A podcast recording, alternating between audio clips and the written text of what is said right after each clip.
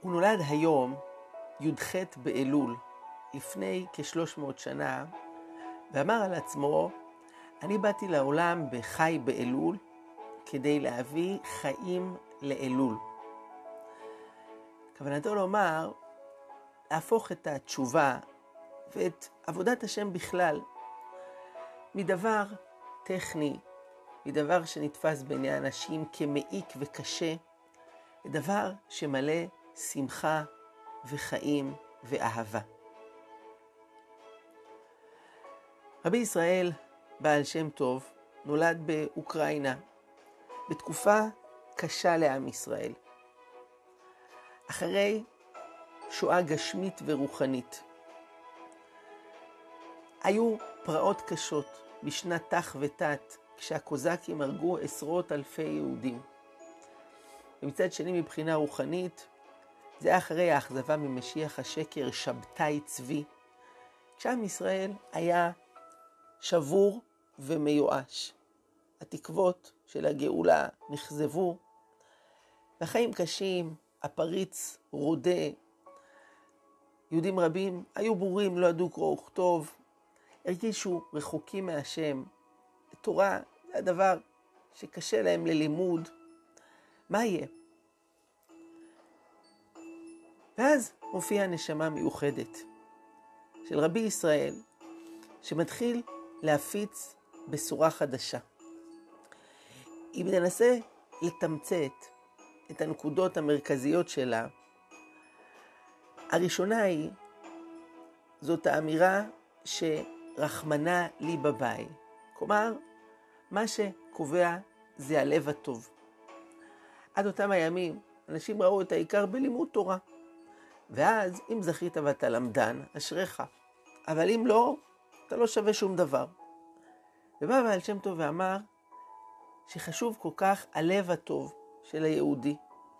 וגם יהודי פשוט, שעושה מכל הלב, גם אותו נער, אתם מכירים את הסיפור שלא יודע קרוא וכתוב, אבל עומד בבית הכנסת ושורק או מחלל, זה יכול להגיע עד השמיים, לבקוע את כל הריקים. היסוד השני זה לית אתר פנוי מיני. כלומר, אין מקום פנוי ממנו. אפשר למצוא את הבורא לא רק בבית הכנסת, לא רק בלימוד תורה או תפילה, אלא בכל דבר שאדם עושה. יש ניצוץ אלוקי שמחיה כל דבר.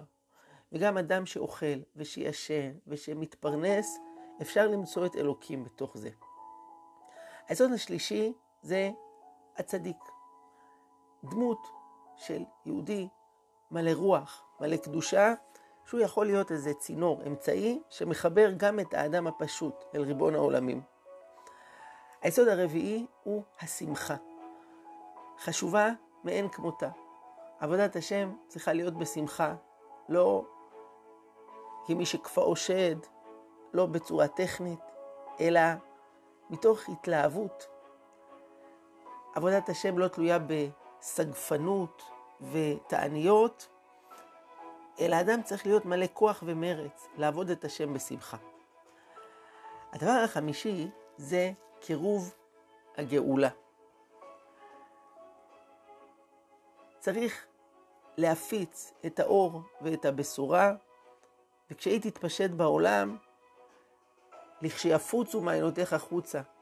כך מספר הבעל שם טוב, שאמר לו המשיח באותו חלום, אותה עליית נשמה שיש לו, כשהאור שלך יתפשט בעולם, אז תבוא הגאולה.